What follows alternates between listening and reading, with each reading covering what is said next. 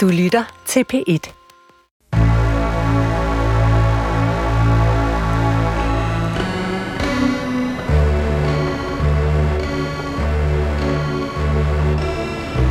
Du har ringet til Hemmeligheder på P1. Tak for din hemmelighed. Vi lover at passe godt på den.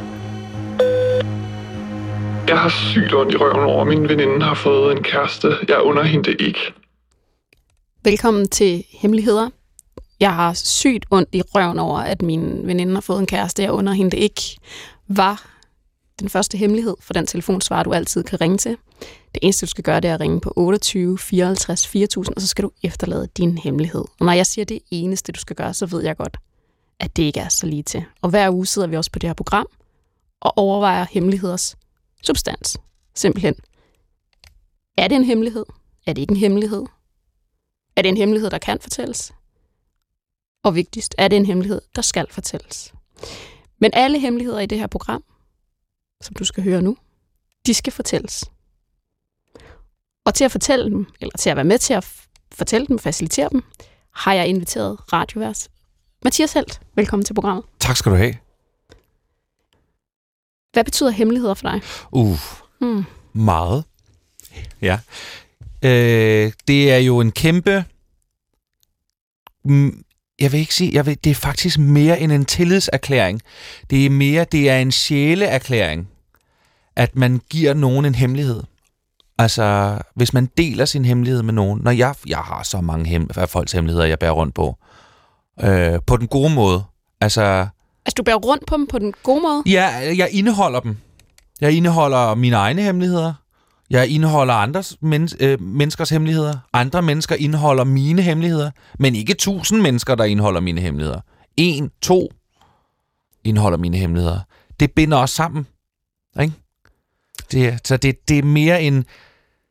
Det er, det, er nogle, det er nogle små horcruxer, hvis man kender Harry Potter, og ved med Voldemort, ikke, at han har de der horcruxer, og man skal slå alle, til intet gøre alle horcruxerne, før at man kan slå Voldemort ihjel til sidst, så er det at dele en hemmelighed med et andet menneske og plante lidt af sig selv derover, det gør en stærkere på en eller anden måde. Så de er også afgørende for de relationer, man har. Altså, at man har hemmeligheder sammen. 100 procent. Fordi i det, tid, på, i det sekund, et andet menneske fortæller den hemmelighed videre, så dør horcruxet. Så dør den stærke forbindelse. Hvordan har du valgt de mennesker, der er ligesom, hvor, du, hvor du siger, jeg, jeg giver dig den her sjæleerklæring, den her tillidserklæring? Ja, det er et godt spørgsmål. Fordi det er jo tit noget, man, man bare kan mærke. Men jeg er meget opmærksom på, at jeg fortæller ikke ting til folk, som jeg ikke føler har gjort sig fortjent til at høre dem. Altså, det er jo ikke fordi, at de skal øh, give mig en dråbe af deres blod. Men man kan jo godt mærke på folk, ah, at det her er nogen, der vil behandle mig og mit liv og mine hemmeligheder med respekt, eller er det nogen, der bare glæder sig til at kunne fortælle dem til nogen andre? Har du prøvet at fortælle altså en hemmelighed til den forkerte? Ja. Det taler vi tit om i det her program. Det der med, hvad der sker, når man Ja. fortæller en hemmelighed til den forkerte. Fordi det kan jo have fatale konsekvenser. Mm. Mm. Altså netop også for tilliden til næste gang, man skal fortælle en hemmelighed til et menneske, som Ja. man synes, man egentlig havde en god fornemmelse omkring. Mm-hmm, mm-hmm. Ja. ja, jeg vil sige, der kommer en ekstra... Der kommer sgu en ekstra lås på den hemmelighedskasse, ikke? Lige så snart der er nogen, der... Når man får fortalt det til den forkerte. Åh, oh, nu må heller lige komme en ekstra lås på. Og det betyder ikke, at kassen ikke kan åbnes op. Det betyder bare, at der skal lige... Nu skal man låse fire låse op. Sidste gang skulle man kun låse tre låse op. Nu skal man låse fire låse op. Og så hvis man kommer til at fortælle en hemmelighed, som øh, til nogen, som ikke skulle have hørt den, og så kommer der fem låse på. Det behøver ikke være store 100 kilos hængelåse. Det kan bare være de små fra de, du ved, de der dagbøger, man nærmest lige kan knække op. Men der kommer en lille ekstra lås på. Øhm, ja. Vi skal til at facilitere andres hemmeligheder. ja, det tror jeg er meget godt, Sanne. Det er jo et stort ansvar, Ja. men det er godt. Det er et godt stort ansvar. Ja. Vi starter med at lytte til hemmeligheden, mm. Mhm. og så har vi øh, lytteren med på telefon. Jeg tror, jeg har ADHD. Men det kan jeg ikke rigtig sige til nogen. Fordi jeg er 26 og i gang med en uddannelse, og det går på alle måder ret godt, og jeg har været god til at maskere det hele mit liv, tror jeg. Men jo mere jeg sådan læser om ADHD, jo mere føler jeg mig set af det. Øh, men jeg ved ikke helt, om det vil hjælpe mig at få en diagnose. Ja. Mm. Det har jeg aldrig sagt højt før. Det var det. Velkommen til programmet. Tak. Jeg tænker, at vi selvfølgelig lige starter med at sige, at vi jo ikke ret på set kan fortælle dig, om du har ADHD, men vi prøver at gå ind i hovedet på dig og prøve at finde ud af, hvad det er, øh, for, hvad er for en hemmelighed, du bærer rundt på. Og hvis vi starter et sted, så tænker jeg, hvad er det, altså, hvad er det der gør, at du tror, du har ADHD? Jamen, jeg tror altid, jeg har tænkt, at min hjerne fungerer en lille smule anderledes end andres.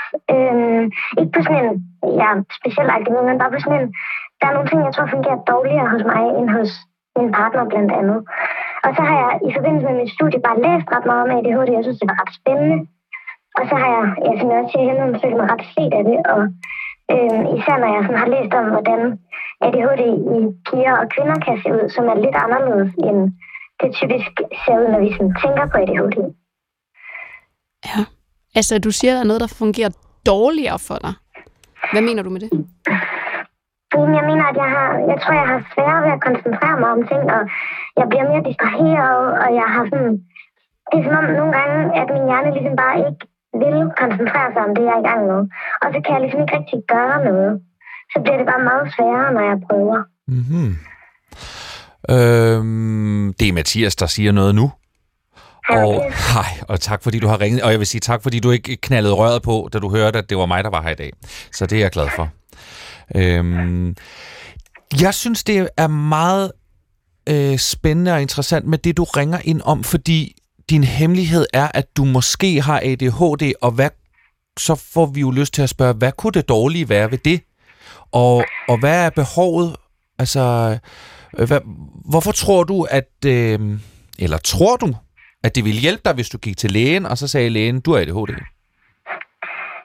Øhm, altså, det, for at svare på det sidste først. Mm. Ja, det tror jeg, fordi jeg tror, jeg ville have nemmere ved at være i, at der er ting, jeg har svært ved. Mm, ja. Ja. Fordi jeg tit bliver... Altså for eksempel, så skulle jeg læse til min uddannelse i sidste uge. Mm. Jeg skulle kun læse omkring 50 sider, tror jeg. Mm. Men det tog mig en hel dag at læse det, fordi jeg kunne bare ikke koncentrere mig. Mm-hmm. Og jeg var så vred og skuffet på mig selv. Mm. Fordi det bare føltes som en kæmpe stor sådan failure, eller sådan, altså... Fordi det virker som om, at mine medstuderende og mine veninder og sådan noget ikke har svært ved.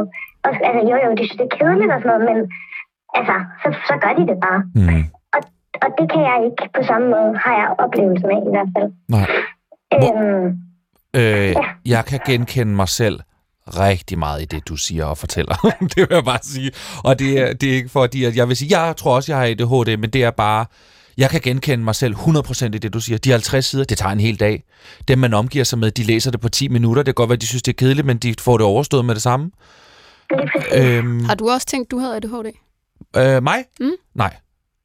Nej. Eller nogle gange. Men ikke, men, ikke mere, men ikke mere, end at jeg har tænkt, at det er jo nok bare sådan her, jeg er. Og det er ikke for at sige, at dem, der har ADHD, det er nok bare sådan, de er, og tage dog et glas vand og trække noget frisk luft i stedet for. Nogle gange, så skal man til lægen og have øh, hjælpes.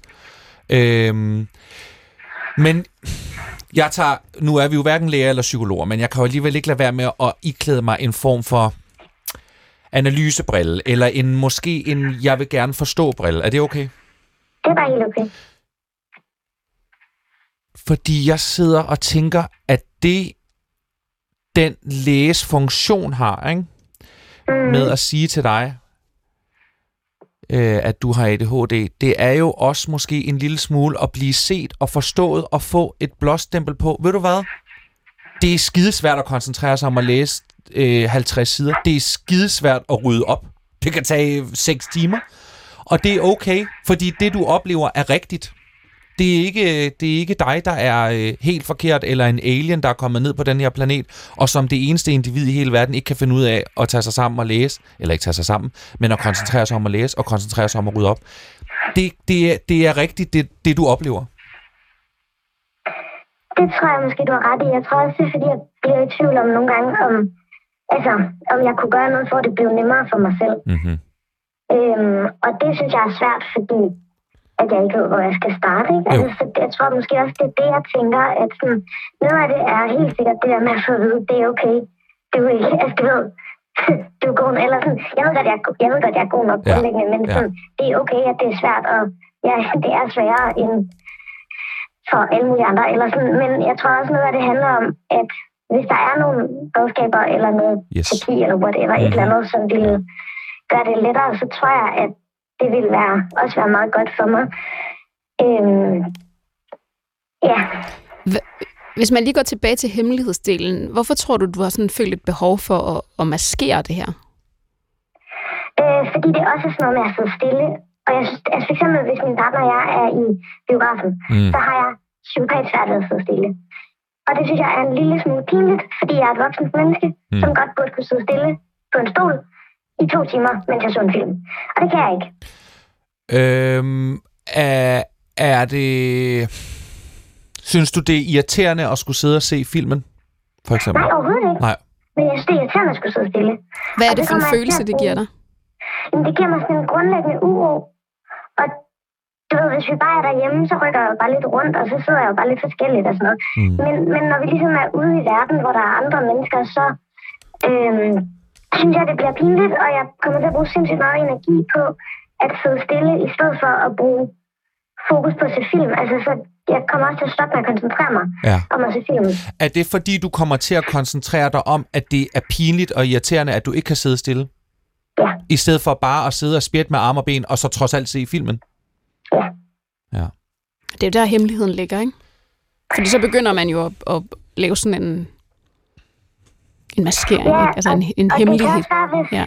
hvis jeg er til møder, at så kommer jeg til at zone ud, øh, Mm. og, og, sådan, og så bliver det lidt pinligt ikke lige at have hørt, hvad folk hedder, eller Nej. hvad de sagde, fordi jeg kom til at fokusere på, øh, om vinduet er åbent, eller at der er en spejl i loftet, eller altså, Ja. Mm.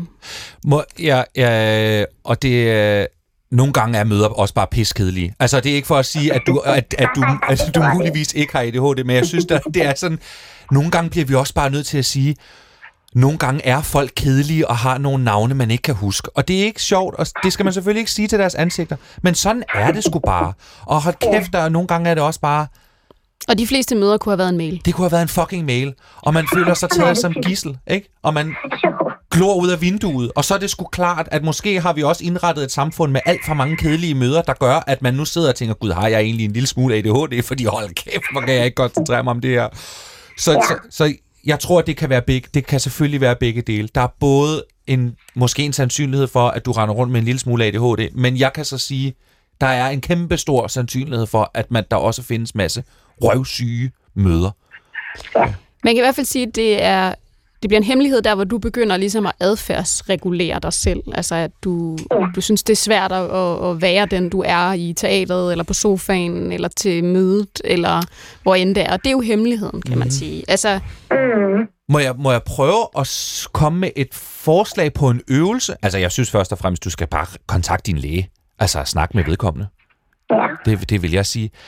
Øh, men kunne du indtil da, fordi vi ved, der er altid 14 dages ventetid, tre uger, det kan være meget, det kan være meget længere, hvis man er rigtig uheldig, ikke? Kunne det måske hjælpe at sige nogle gange, sådan, når, man, når du sidder og ser den der film, åh oh, gud, hvor har jeg svært ved at koncentrere mig lige nu. Og så bare få det sagt ud af systemet og sige, øh, du skal ikke tage dig af, jeg sidder og spjætter med arme og ben, jeg har bare lige lidt svært ved at koncentrere mig. Ja, men ville du ikke synes, det var sygt mærkeligt, hvis din sidemand, som du ikke kendte i biografen, sagde det?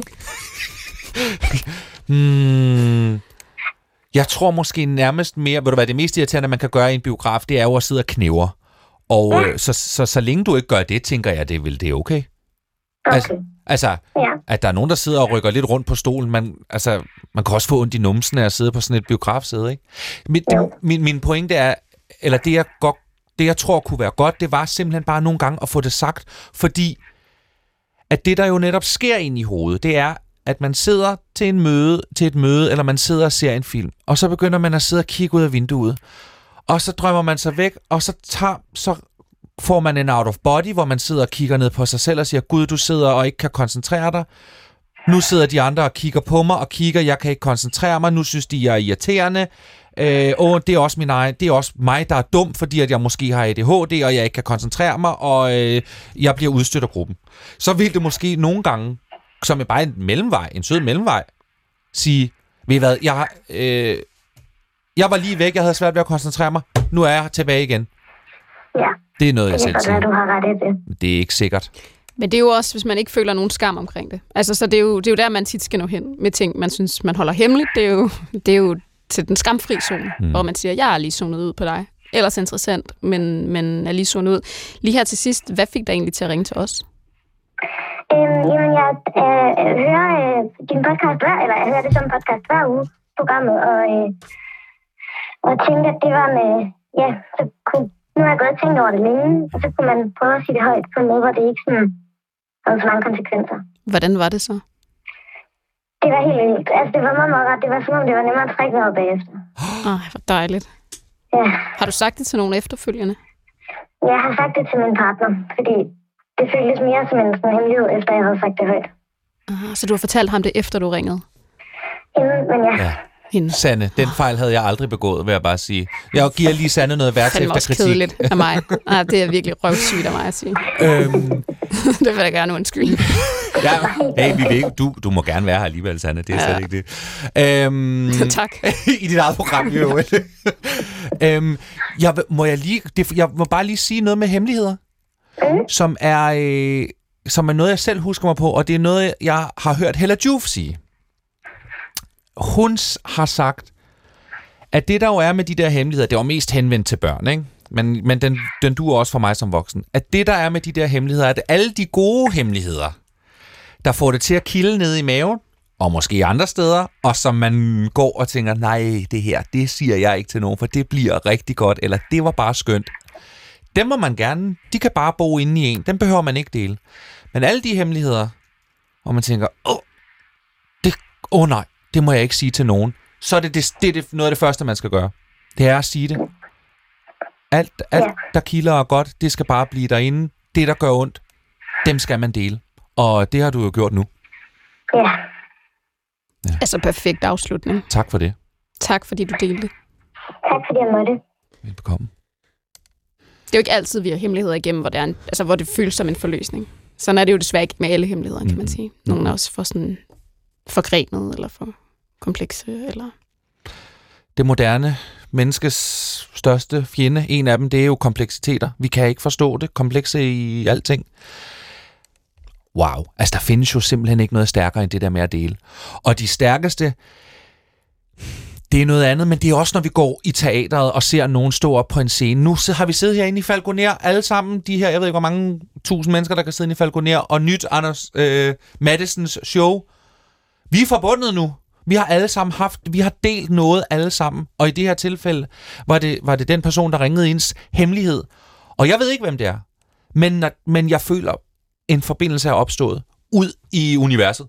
Og op til en satellit og ned til den her person, der har ringet ind. Og det er fantastisk. Ja, det er tilliden.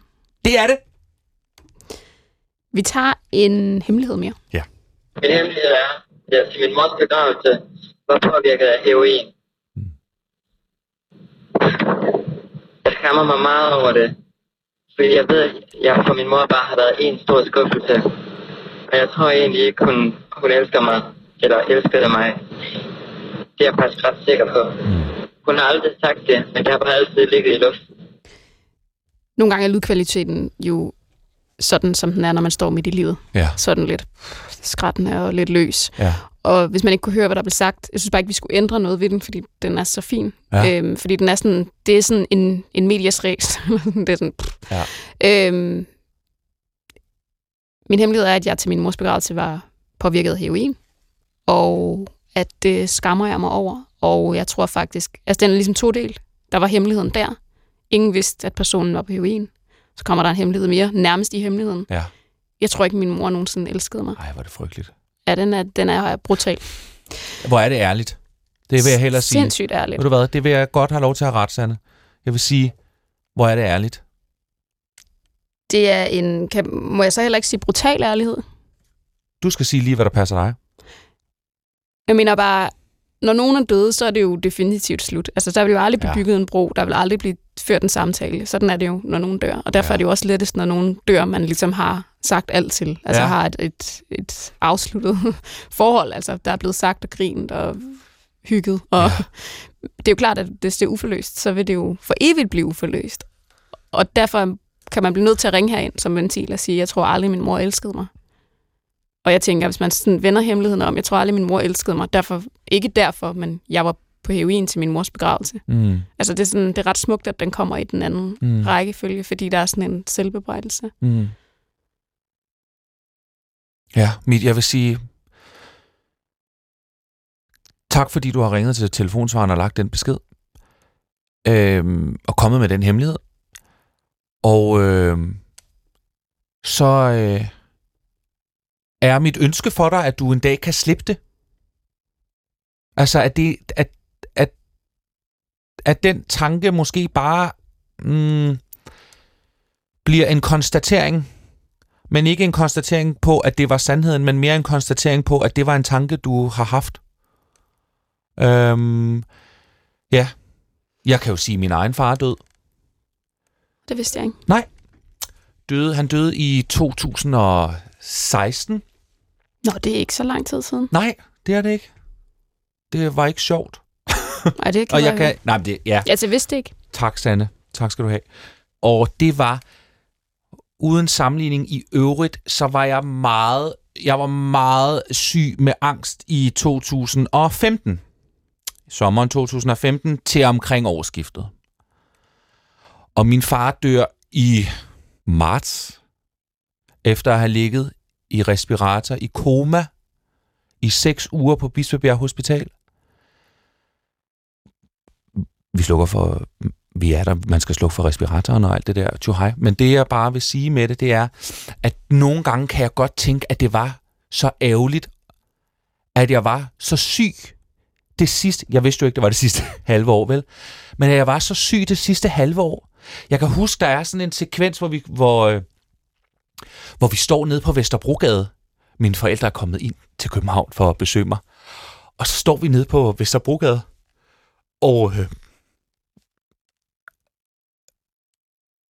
så er jeg så, er jeg så øh, påvirket af angst, at vi bliver nødt til at gå hjem igen. Og det der med, at det der jo også sker med det, er jo, at man ikke rigtig kan være til stede i virkeligheden. Altså, når man er så påvirket, så kan man sgu ikke rigtig være til stede. Og øh, det er i hvert fald noget, jeg selv har prøvet at måtte slippe det der med at være sådan, åh, jeg var jo ikke til stede, vel? Altså, jeg var der, men, men mentalt var jeg der jo ikke rigtig. Og havde vi bare vidst, at det var måske 18. sidste gang, jeg var sammen med min far, fordi at han skulle dø et, et halvt år senere, så havde jeg, det kan vi ikke lave om. Og tingene var sådan, som de var. Jeg kan bare godt genkende det der med, at en dag er det slut, og så er der nogen, der ikke findes mere. Og så kan man kigge tilbage på det og sige, ja, nogle ting gik godt, andre ting gik mindre godt, men øh, det gik, som det gik, og tak for det. Øhm, og øh, jeg gider ikke engang bevæge mig ud i at sige, og derfor skal vi huske hver dag, når vi er sammen med folk, og ved I hvad, der var, da min far døde, der var der en, der sagde, der var der en, der sagde, ja, det er jo derfor, vi skal huske at sige, at jeg elsker dig, hver gang jeg går ud af døren. Og jeg havde det bare sådan her, altså jeg tror, det var to dage efter, at vi havde siddet op på Bispebjerg Hospital, at jeg havde siddet med min døde far i hånden og skulle øh, slukke respiratoren, at der var en, der sagde, øh, det er jo derfor, man skal huske at sige, at jeg elsker dig, hver gang man går ud af døren. Ved du hvad? Altså, kan vi jo ikke leve vores liv. Vi kan jo ikke... Altså, vi kan, jeg, kan, jeg prøver at være taknemmelig i den udstrækning, at jeg kan holde det ud, ikke? Men altså, hvis vi skal rende rundt med en dommedagsklokke over hovedet, der hele tiden siger, det her kunne være det sidste øjeblik. Vi to ser hinanden, Sanne Sigal. Hvis vi to går ud, og jeg bliver kørt over af en bus, så har du bare at nyde det her øjeblik, ikke? Altså, det kan vi jo ikke. Ja. Nu har jeg også delt lidt mere. Det var ikke engang min hemmelighed. Sanne, jeg kommer... Ved du hvad? Undskyld, jeg afbryder dig, men jeg kommer altid til at dele alt for meget. Det er derfor, jeg beskæftiger mig med underholdning, fordi der, der, der, der deler jeg ikke alt for meget. Måske Der, deler du bare. Måske er der ikke et for meget. Måske deler du bare. Tak. Det er jeg glad for, du siger. Jeg tør lige tårne bort inden og læser et Tove Ditlevsen digt, inden vi går videre. Men hvis jeg også lige skal tage fat i det, som du taler om der med sådan på en eller anden måde at sætte sig selv fri, eller meget godt dansk, øh, god dansk vending, let yourself off the hook, Ja. øh, har jeg også bare en bonusinfo, og Mm. det er, at han faktisk er ude af det misbrug, han var i på det tidspunkt, og man kan sige, det er i hvert fald et andet sted at være. Så man kan jo ikke gå tilbage, desværre, Mm-mm. og gøre ting om. Nej. Heller ikke selvom man står med angst på Vesterbrogade, og det egentlig føles ret egoistisk, fordi det gør angst tit, fordi man Ja. er inde i den der sådan underlige, irrationelle boble, og hvorfor kunne jeg ikke, hvorfor kunne jeg ikke sætte mig ud over det? Det, kan, det, det er meget svært, Ja. Og når den spiral først kører, så kører den. så... Ja, vi kan ikke, ved du hvad, vi kan, vi kan aldrig tage tilbage og ændre noget, men vi kan ændre noget nu. Ikke? Altså, Lad os lige tage Ja. en øh, hemmelighed mere. Ja, goddag. Uh, min hemmelighed er, at jeg normalt er sådan rimelig uh, okay boomer, 55 plus, og sådan uh, uh, ikke erklærer mig selv som feminist, men er jeg samtidig, altså, min hemmelighed er, at jeg er enormt anti-grundlovs, sådan noget med at stille kvinder Inger Støjberg til øh, for grundlovsbrud, når der ikke er en eneste kvinde, der har været med til at forfatte. Ja, jeg er øh, blevet enormt feminist, og det er min hemmelighed, at jeg øh, er antigrundlovspis, når det handler om kvinder. Mette Frederiksen, Inger Støjberg og ministeransvarspis i henhold til grundloven. Det skal ikke handle en skid men de står ikke til ansvar, for der der er ikke nogen kvinder, der er blevet feminist på grundlovspis. Og det er min hemmelighed, at jeg går og er enormt... Og det er min hemmelighed. Og jeg er blevet enormt tændt, og det er snart ikke længere en hemmelighed, fordi jeg bliver grebet af det, og jeg bliver feminist til sidst. Og det er en hemmelighed, at jeg be, in the grey zones, and I'm fucked, because I'm a man. Og for, får mig til at lyde som en kvinde, og så er man man. Uh, det er min hemmelighed, at jeg er øh, på vej til at blive feminist, og ingen ved det. Uh!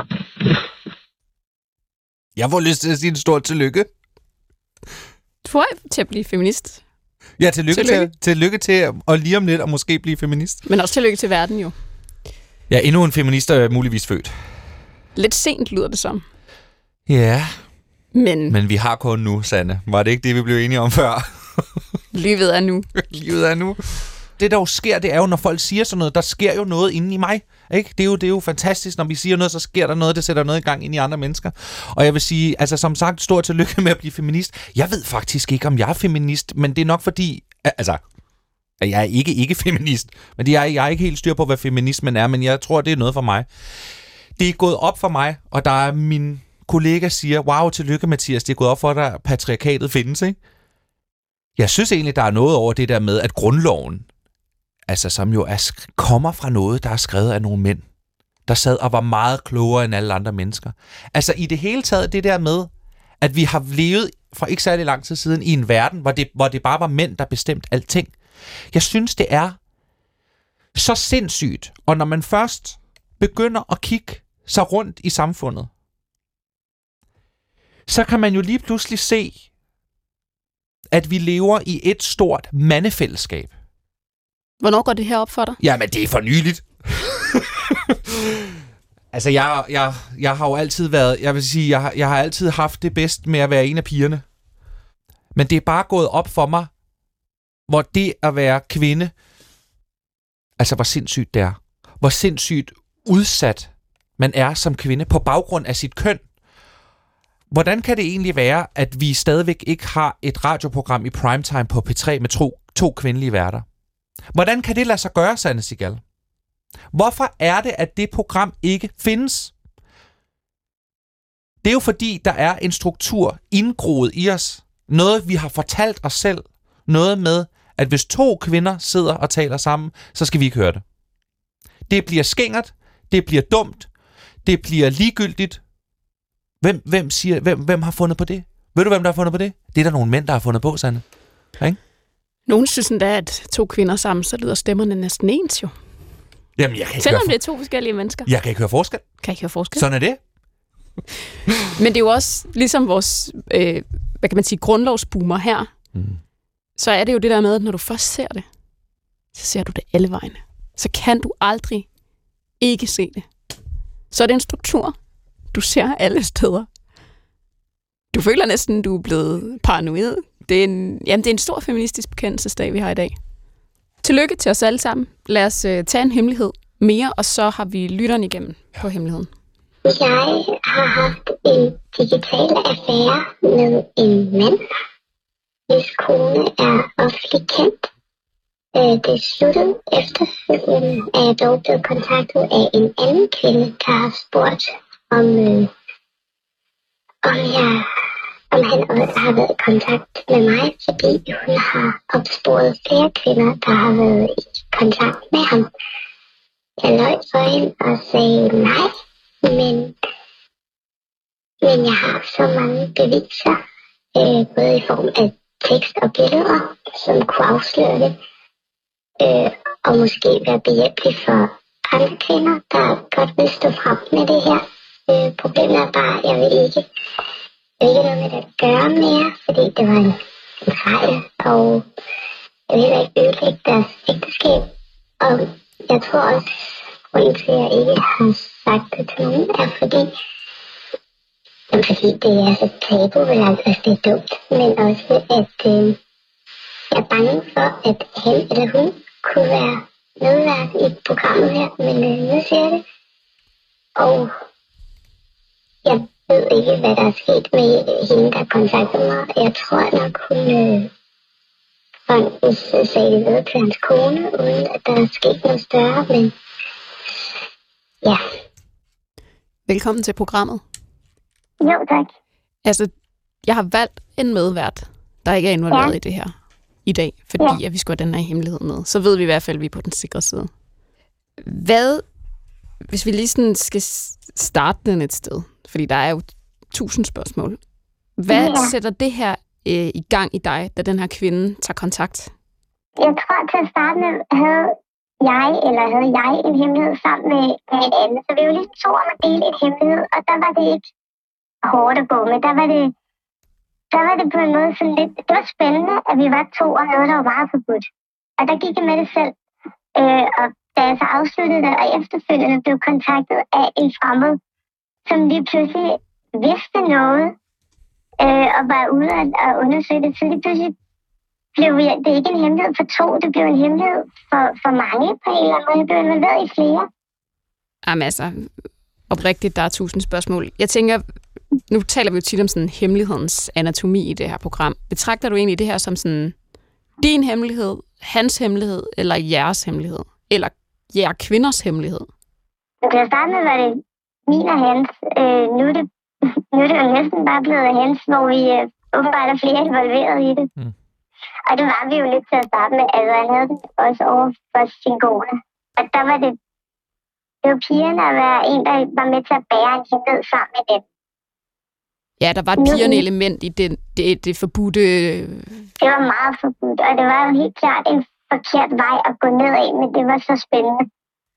Øh, og nu, hvor, hvor jeg er blevet kontaktet af en fremmed, der lidt prikker til den her hemmelighed, så er det lige pludselig en farlig hemmelighed, fordi det kom tæt på. Føler du et ansvar for at beha- altså bevare hans hemmelighed?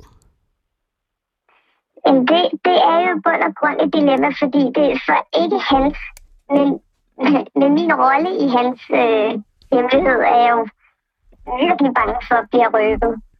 Øh, og det tror jeg måske, det, det er måske meget normalt, når man er den ende, eller den syvende i det her tilfælde. Så det der med at opdage, at man er en del af et mønster. Mathias sidder med sådan store øh, øjne ved siden af, mm. og sådan kigger øh, altså forundret rundt. Ja. Men det der med at opdage, at man er en del af et mønster, hvordan, hvordan var det? Det er jo helt åndssvagt at være småbørnhjernet over, at man ikke bare er den anden, men at man er et med et eller andet sted. For angsten ligger i, hvem, hvem, hvis vi er så mange flere, og jeg ved jo ikke engang, hvem der er tale om, eller hvor mange flere der er tale om. Øh, jeg ved jo faktisk heller ikke, om det er kommet frem til, til hans kone. Eller det, jeg tænker ikke, det kommer frem i offentligheden. Det har jeg ikke set, det ser jeg hører endnu. Men, øh, Altså, jeg, jeg må lige sige, jeg tror, jeg har brug for at få den her sag ridset op en gang til. Er det, er det, Øh, ja. er det okay? det er okay. Jeg, øh, jeg, jeg prøver lige at lave sådan et, et grov oprids. Yes. Øh, der er tale om en, en digital affære med en offentlig person. Der er mere på spil i forhold til mig som person. Ja. Øh, Må man spørge om ting her? Hvordan ja. Bliver affæren ligesom... Hvordan starter den? Hvordan indledes den? Øh, jamen, uden at gå for meget dybden, så øh, altså, sociale medier er jo en fantastisk verden, hvor alle kan komme i kontakt med alle. Og hvor der ligesom blev udvekslet likes, komplimenter og sådan noget igen i det digitale forum. Og derfor så kan man ligesom tage den videre. Mm-hmm. Og det afslutter jeg, fordi det, altså, for det, det holder heller ikke, og det, at der er ikke mere at komme efter. Nej. Afslutter, og en måned efter bliver jeg kontaktet på de sociale medier af en anonym profil. Det er Mm. engang en, man kan spore sig ind på, mm. om det er en han eller hende. Jeg antager ud på skriften, at det er en hende. Ja. Det er sådan en, en satire eller meme eller sådan noget profil Ja. der kontakter mig og siger, at han, hun, jeg antager hun, øh, har, har opdaget, at øh, der er flere, der har øh, inde på et forum skrevet, at de virkelig bliver komplimenteret af denne her person. Ja. Øh, hun er gået på opdagelse for at finde ud af, hvem det er, fordi hun mener, at det er jo så forkert, at hans kone bør vide det. Ah, så Og den... der pa- panikker jeg jo, Ja, og, ja. og, og lyver, lyver, lyver, benægt, Ja, benægt, ja. benægt. Og samme Godt. baghoved ringer, har jeg jo bare øh, billeder, og som bare toner frem. Mhm. Så er det Øh, øh, det kan det være ham, det kan være skole, det kan det er det. være en. det det. Jeg ved det ikke, og det er det, der gør det så paranoiafuldt. Ja. Og det er det helt klart min egen skyld, at jeg involveret mig i det. Det ved jeg da godt. Jeg vil bare Ja, sige, det er, jo, jamen, det er jo det, der er, altså, øh, det er jo overgrebspersonens stærkeste våben. Det er jo, at du Ja. nu sidder og tænker, alt det her, det er jo min egen skyld. Ikke? Ja. Så, så jeg gør ikke det, men uanset hvad der sker, så det kan godt være, at øh, det er mig, der ender som den store taber, og jeg har selv rodet mig ud i den her kattepine. Det, det, er jo, det er jo det bedste, der kan ske for sådan en overgreb. Øh, nu siger jeg overgrebsperson. Det er jo det bedste, der kan ske for sådan en, en øhm, utro person. Digital utro person, ikke? Ja. Den, øh, jeg har nogle spørgsmål. Ja. Har I sendt nøgenbilleder til hinanden? Ja. Ja. Øh, har, har I skiftet medie? Øh, ja. Startede det på Instagram? Ej, okay, min, min absolutte lange pause gjorde faktisk, at ja. Ja, Så det ja, ja, jeg, jeg, jeg, jeg, Må jeg spørge, når jeg du hørte det spørger om det med, med nøgenbillederne, så er det fordi, du også tænker, at han har noget på hende, som ville være ko- kompromitterende. Så øh, sørger jeg for, at det netop ikke kan lade sig gøre. Yes, that's my girl. Men det, det for mig er det også bare sådan lige prøve, fordi jeg gerne lige vil prøve at forstå det der med, hvor meget er det, der er på spil? Altså, og i, hvor er vi henne i, hvad er der, og, og, og øh, når der først er hul på tuben, eller hvad siger man? Altså, Jeg tror, for mig, Ja. der er jeg glemt i overmorgen af verden. Men det er de andre ikke. Og jeg har den, der hedder, jeg er jo gået ned af en helt forkert sti, det ved jeg godt. Så derfor står jeg nok for at finde tilbage mm-hmm. til den rigtige sti. Ja. Skulle jeg have hjulpet de andre kvinder og sagt, hey I er ikke alene. Fordi du lyder jo øhm, på den måde ret rationel omkring det. Altså, du arkiverer ting, du har... Øh, nu ved jeg godt, bliver med at sige, at du gik ned ad den forkerte sti, og øh, jeg håber ikke, at du slår dig selv i hovedet for meget med det, øh, men du samler til bunke, du arkiverer. Mm-hmm. Jeg tænker, lad os antage, at I... Vi aner ikke, hvor mange der er tale om, men I kvinder, der ligesom er involveret i det her, I øh, går sammen. Hvad vil der være i ligesom at, at sådan stå frem kollektivt? For mig ville der jo kun og grund ikke være andet end et muligvis ødelagt ægteskab. Og der, der er tiden hos mig, altså er hun måske bare lykkelig uvidende. Det synes jeg jo altid er et fuldstændig rimeligt spørgsmål. Øh, hvad er prisen? Men nu er du lidt over i hans logik igen. Hvis vi lige trækker den tilbage i din Ja. logik, hvad vil der så være i, i det for dig og de kvinder i at, at stå frem? Øh, jamen, for mig tror jeg, det er at, at den der kan hjælpe jer andre. Fordi jeg ved godt selv, hvor jeg er henne, Mm. og jeg er ukundt med det. Øh, og forleden, det er selvfølgelig ikke noget, jeg synes, jeg kan sige, fordi det, jeg synes alligevel, der er noget på spil. Så den lever jeg bare med selv. Men alligevel er der den der, kan jeg hjælpe jer andre? Mm. Eller er, er vi overhovedet andre? Det, det er igen, det er kun den her paranoia om, Mm. hvad gør lavinen, hvis det her kommer ud, og hvor meget bliver jeg involveret, og hvor meget skal jeg til at forholde mig til. Ja. Og må jeg lige spørge, hvad er det, du tænker, når du siger, kan jeg hjælpe de andre ved også at tilkendegive mit uh, vidnesbyrd der? Ikke? Hvad er det, du tænker, at, at de kan blive hjulpet med? Jeg ved det ikke. Jeg tænkte bare, det var, altså, da jeg selv blev ramt, altså, det er gud, jeg er ikke bare den anden. Mm. Jeg er nummer Mm. 127. Det, det gør sgu ondt. Ja, så, Øh. ja. Så du kan faktisk hjælpe dem med at give et mere retvisende billede af, hvordan virkeligheden er, hvis der skulle være nogle af dem, der troede, at de også var den eneste, der havde en digital affære med vedkommende. Så vil du være med til at sige, hey, I gør, hvad der passer jer, men vi er altså mange flere. Og for at Ja. kunne bevise det, bliver du nødt til at tilkendegive, jeg var der også. Ja, Er det sådan noget? Ja. Ja, og der tror jeg, det, altså første skridt er jo faktisk det der med, så, så, er det bare heller ikke hemmelighed mere. Nej. Det er selvfølgelig rigtigt. Og man kan sige, du lyder som en kvinde, der står på et øh, godt solidt fundament, og mm. du har dine øh, sociale, øh, medie, øh, digitale affære, øh, teknikker øh, i orden, lyder det som. Men der kunne jo også være nogle af de kvinder, der enten var presset længere ud, eller måske ikke havde dem i orden, mm. eller ikke stod på så solidt et, et fundament. Er der også et eller andet i dig, altså med den her hemmelighed, ja. altså selvom at du er okay, der tynger dig alligevel?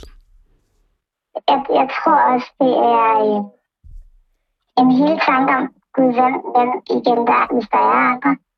Er I okay, piger? Mm-hmm. Er, altså, hvor er I henne i det her? Har I kommet til at gå langt over jeres egne grænser i forhold til, hvad, hvad I egentlig taget vil, ikke? Altså, det kan næsten blive sådan en hel øh, terapigruppe, vi kan lave sammen. Et eller andet sted i forhold til at være der for hinanden. Men, men problemet så, hvis man skal være der for nogen, er, at man også bare selv bliver nødt til at give først. Og der har jeg jo indtil nu holdt det så tæt. Selv da jeg blev konfronteret med det af en fremmed, Mm. så vil jeg slet ikke være behjælpelig. Hvordan har det været lige at lette lidt på låget her? Altså, jeg synes, det har været altså, utrolig virkelig, for det er jo første gang, jeg overhovedet kan sige det til nogen. På trods af, at jeg faktisk er blevet konfronteret af en, Ja. der kunne jeg ikke engang sige det. Så første gang øh, nogensinde i et, over et år, har jeg faktisk fået lov til ligesom at sige det. Og det er ikke fordi, at det, fylder, at det fylder fra morgen til aften hver eneste dag. Mm-mm. Men tankestrækket er der bare hele tiden. Ja. Jeg får lyst til at fortælle dig, at noget, der er gået en form for øh, virkelighed, sandhed, der er gået op for mig alt for, længe, øh, alt for sent, er, at øh, jeg i alt for mange gange i løbet af mit liv har tænkt, at det var mig, der måtte bære den byrde og gå med det kors, fordi, altså på grund af ting, som andre folk havde gjort. Mm. Altså, man er blevet inddraget i noget, det er gået ud over mig. Der er nogen, der har skadet mig på en eller anden måde, men jeg siger det ikke, fordi at jeg så ikke vil ødelægge dit øh, gerningspersonens privatliv. Og hvad fanden, hvad fanden er det for noget? Altså, hvad er det for en mangel? Og jeg taler til mig selv her, kære, kære lytter. Hvad er det for en mangel på selvrespekt, Mathias? Tænk sig, at man vil lade et andet menneske bare vade hen over en, og så ender man fucking med at være den, der skal betale regningen. Fordi det må jeg hellere gøre, fordi hvis jeg kryber til korset og siger tingene, som de er, uh, så bliver du nok, så, så kan folk nok se, hvem du i virkeligheden er. Mm. Og det vil jo være frygteligt for dit liv.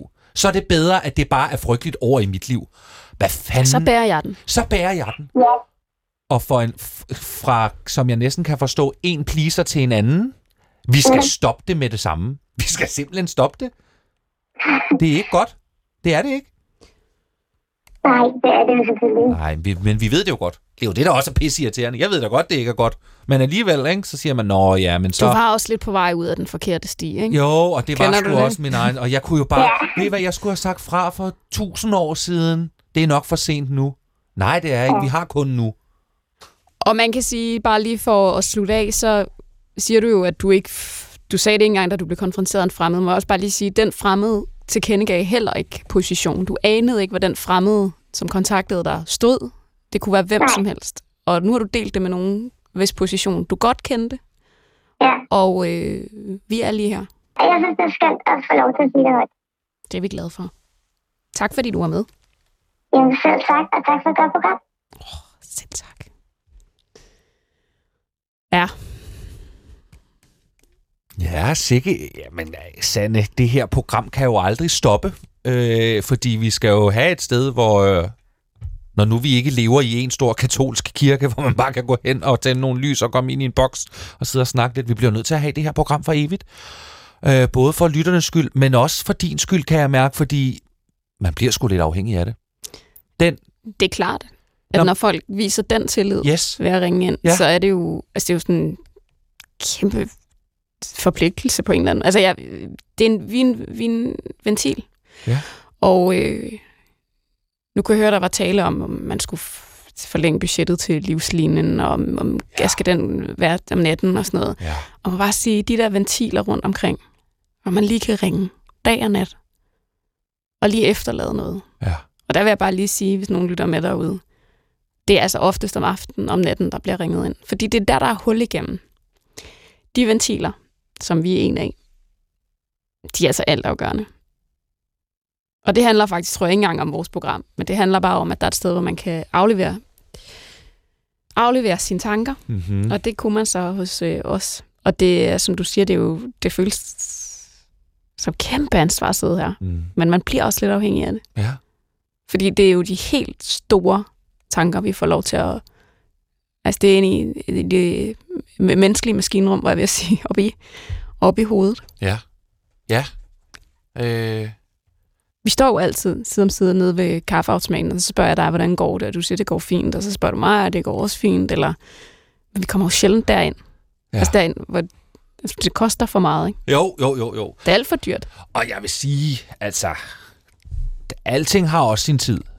Altså, der må være, og den tid er jo så hvad, i hvert fald hver søndag på P1 klokken, 13. klokken 13, hvis man sidder og tænker, hvor fanden går jeg hen med det her, eller gud, hvor alting går hurtigt, og, Og jeg Ja, går det- lidt langsomt. og jeg går sgu lidt langsomt. For tiden går jeg sgu lidt Jeg langsomt. går lidt langsomt for tiden.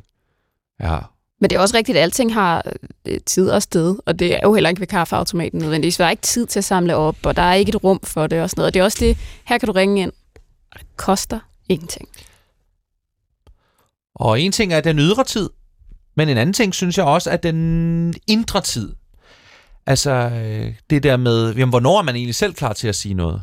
Og der så kan man være afhængig af alle mulige ting, og øh, psykologerne, de har jo kun åbent fra klokken 10 om formiddagen til klokken 17 om eftermiddagen. Og hvad hvis man har noget, man vil ud med klokken 22 om aftenen, ikke? Så må man herind. Men, det, men, men øh, Jamen, du kan også bare aflevere det aldrig lytte. Du kan bare sende Ja. det ind, og så kan du være sådan, nå, ryster man sig lige, ikke? Ja. Ryster man sig lige, men bør aldrig lytte til det. Koster ikke noget. ej, det, er, det er en stor oplevelse at være. Men det er jo faktisk øh, indre tid, var jeg ved at sige, at du skal aflevere en hemmelighed til os. Hvilket jeg egentlig allerede føler, du har gjort, fordi du er meget generøs øh, med, med dine tanker og observationer. Så det føles nærmest som rovdrift. Ja, Men alligevel, Åh. ja, men jeg kan så sige, at den hemmelighed, jeg har taget med, er jo selvfølgelig... Jeg har, brugt, jeg har brugt lang tid på at tænke på, hvad skulle jeg tage med? Og så tænkte jeg, at det på en eller anden måde, sådan det der med, så det første sted, man leder, det er jo sådan et hjertesmertested, og de inderste tanker og sådan noget. Og så blev jeg sådan, øh, øh, altså, har jeg overhovedet egentlig nogen hemmeligheder? Øh, nej, det har jeg så nok ikke. Og selvfølgelig har jeg jo nogle hemmeligheder, som for evigt, for altid bare vil være min hemmelighed, men det er jo ikke, det er jo ikke sådan noget, det var mig, der slog Olof Palme ihjel. Det er mere sådan, uh, det her, øh, den her oplevelse, jeg havde alene med min nøgne krop, den behøver andre, den behøver andre ikke at høre om. Det er mere den slags hemmeligheder. Men så fandt jeg, kom jeg i tanke om noget. Fordi en hemmelighed skal også være lidt skamfuld. Vi skal slå den der skam ihjel, skammens modgift, det er jo at snakke om det. Jeg kan ikke huske, hvornår jeg sidst har stemt ved en ja, folketingsafstemning. Jeg tror, jeg stemte lige da jeg var omkring 18-19 år gammel. Der tror jeg lige, at jeg havde fået stemmeret. Det passer meget godt med en eller anden timing til et eller andet stemme. Dut. Jeg har ikke stemt til sidste folketingsvalg. Jeg tror heller ikke, jeg stemte til det før. Og jeg stemte heller ikke til kommunalvalget. Og jeg stemte heller ikke ved retsforbeholdet.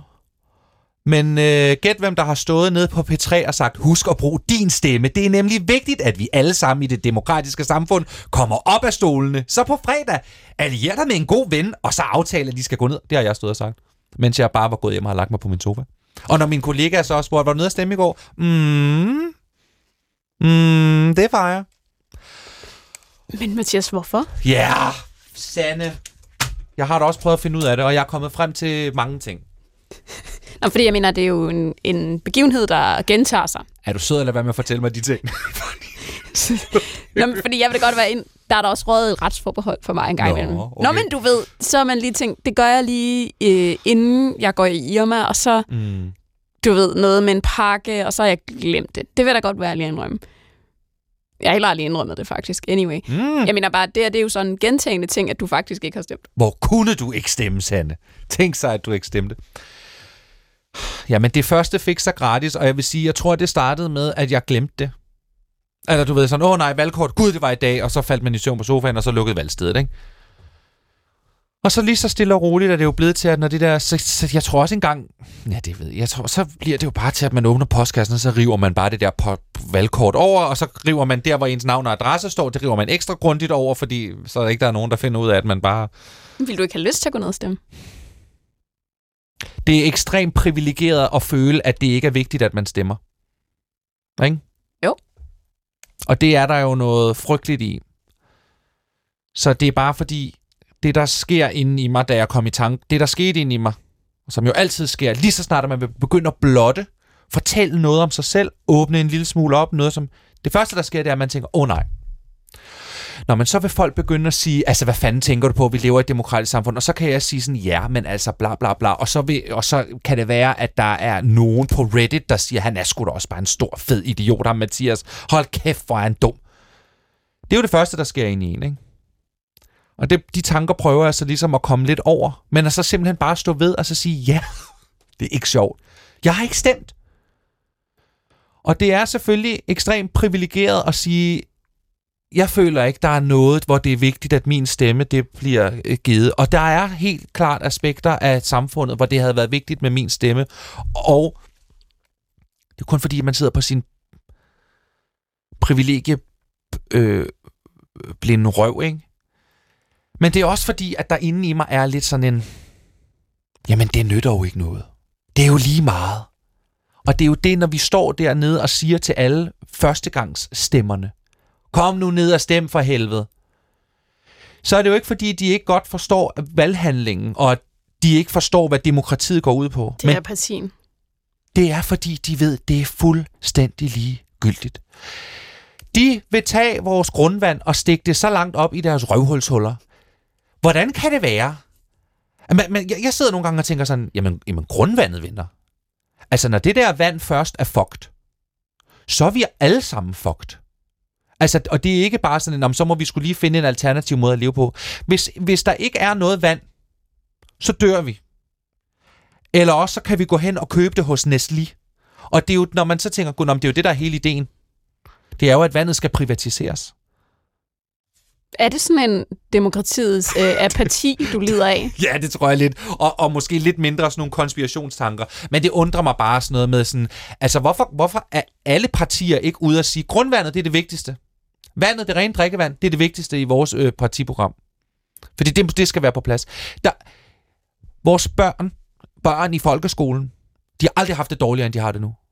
Vores ældre har, har altså jeg er jo måske i 20'erne havde de det dårligt, ikke? Men sådan i det moderne velfærdssamfund, der er jo ingen, der har haft det dårligere, end vi har det i dag. Jeg elsker, at øh, det sender en i dig ikke at stemme, så du er et øh, politisk, upolitisk menneske. Det er så dumt. Men jeg kan love jer til det her folketingsvalg. Ja. Jeg kommer ned. Det er, men det er for, grund til, at jeg tør at sige det, det er, fordi det er, en, nu er det slut, Sande. Jeg skal ned, og jeg skal sætte et kryds, der er så stort, at de slet ikke, de slet ikke fatter det. Hvordan kan, hvordan kan vi ikke få det her til at hænge sammen? Og selvfølgelig, det er jo ikke, fordi folk ligger på gaden og raller rundt. Det gør de nogle steder. Ude foran et eller andet sygehus eller hospital, fordi der er 8 timers ventetid til at komme ind og blive syet i fingeren, ikke? Vi lover jer, at der kommer en masse nye sygeplejersker, og jordmøderne, de skal have det bedre. Fordi det er faktisk ekstremt vigtigt, at vi lige har nogle sygeplejersker. Der kommer aldrig nogen sygeplejersker. Og der er ingen, der gider at være i det der sundhedsvæsen, fordi vi tager røven på dem hele tiden. Og det, og, men, men det er jo først, når man ligger på sit dødsleje, øh, og gisler efter vejret, og man har fået kol, fordi man har røget en masse cigaretter, at man tænker, åh, vi skulle, skulle have sørget for, at der kom nogle flere sygeplejersker dengang, og noget øh, sundhedsfagligt personale. Det, det havde været ret dejligt at have nu. Tror du er et meget godt eksempel på, hvorfor at mange øh, ikke går ned og stemmer? Det er nok ikke kun, fordi man egentlig hellere vil sidde på sofaen og spise øh, ostepops. Nej. Det er simpelthen, fordi man ikke, der, det er ikke længere at gøre en forskel. Tak, fordi du delte din hemmelighed. Og tak, fordi at du hjalp, så andre kunne dele hemmeligheder. Og tak, fordi I lyttede med derude.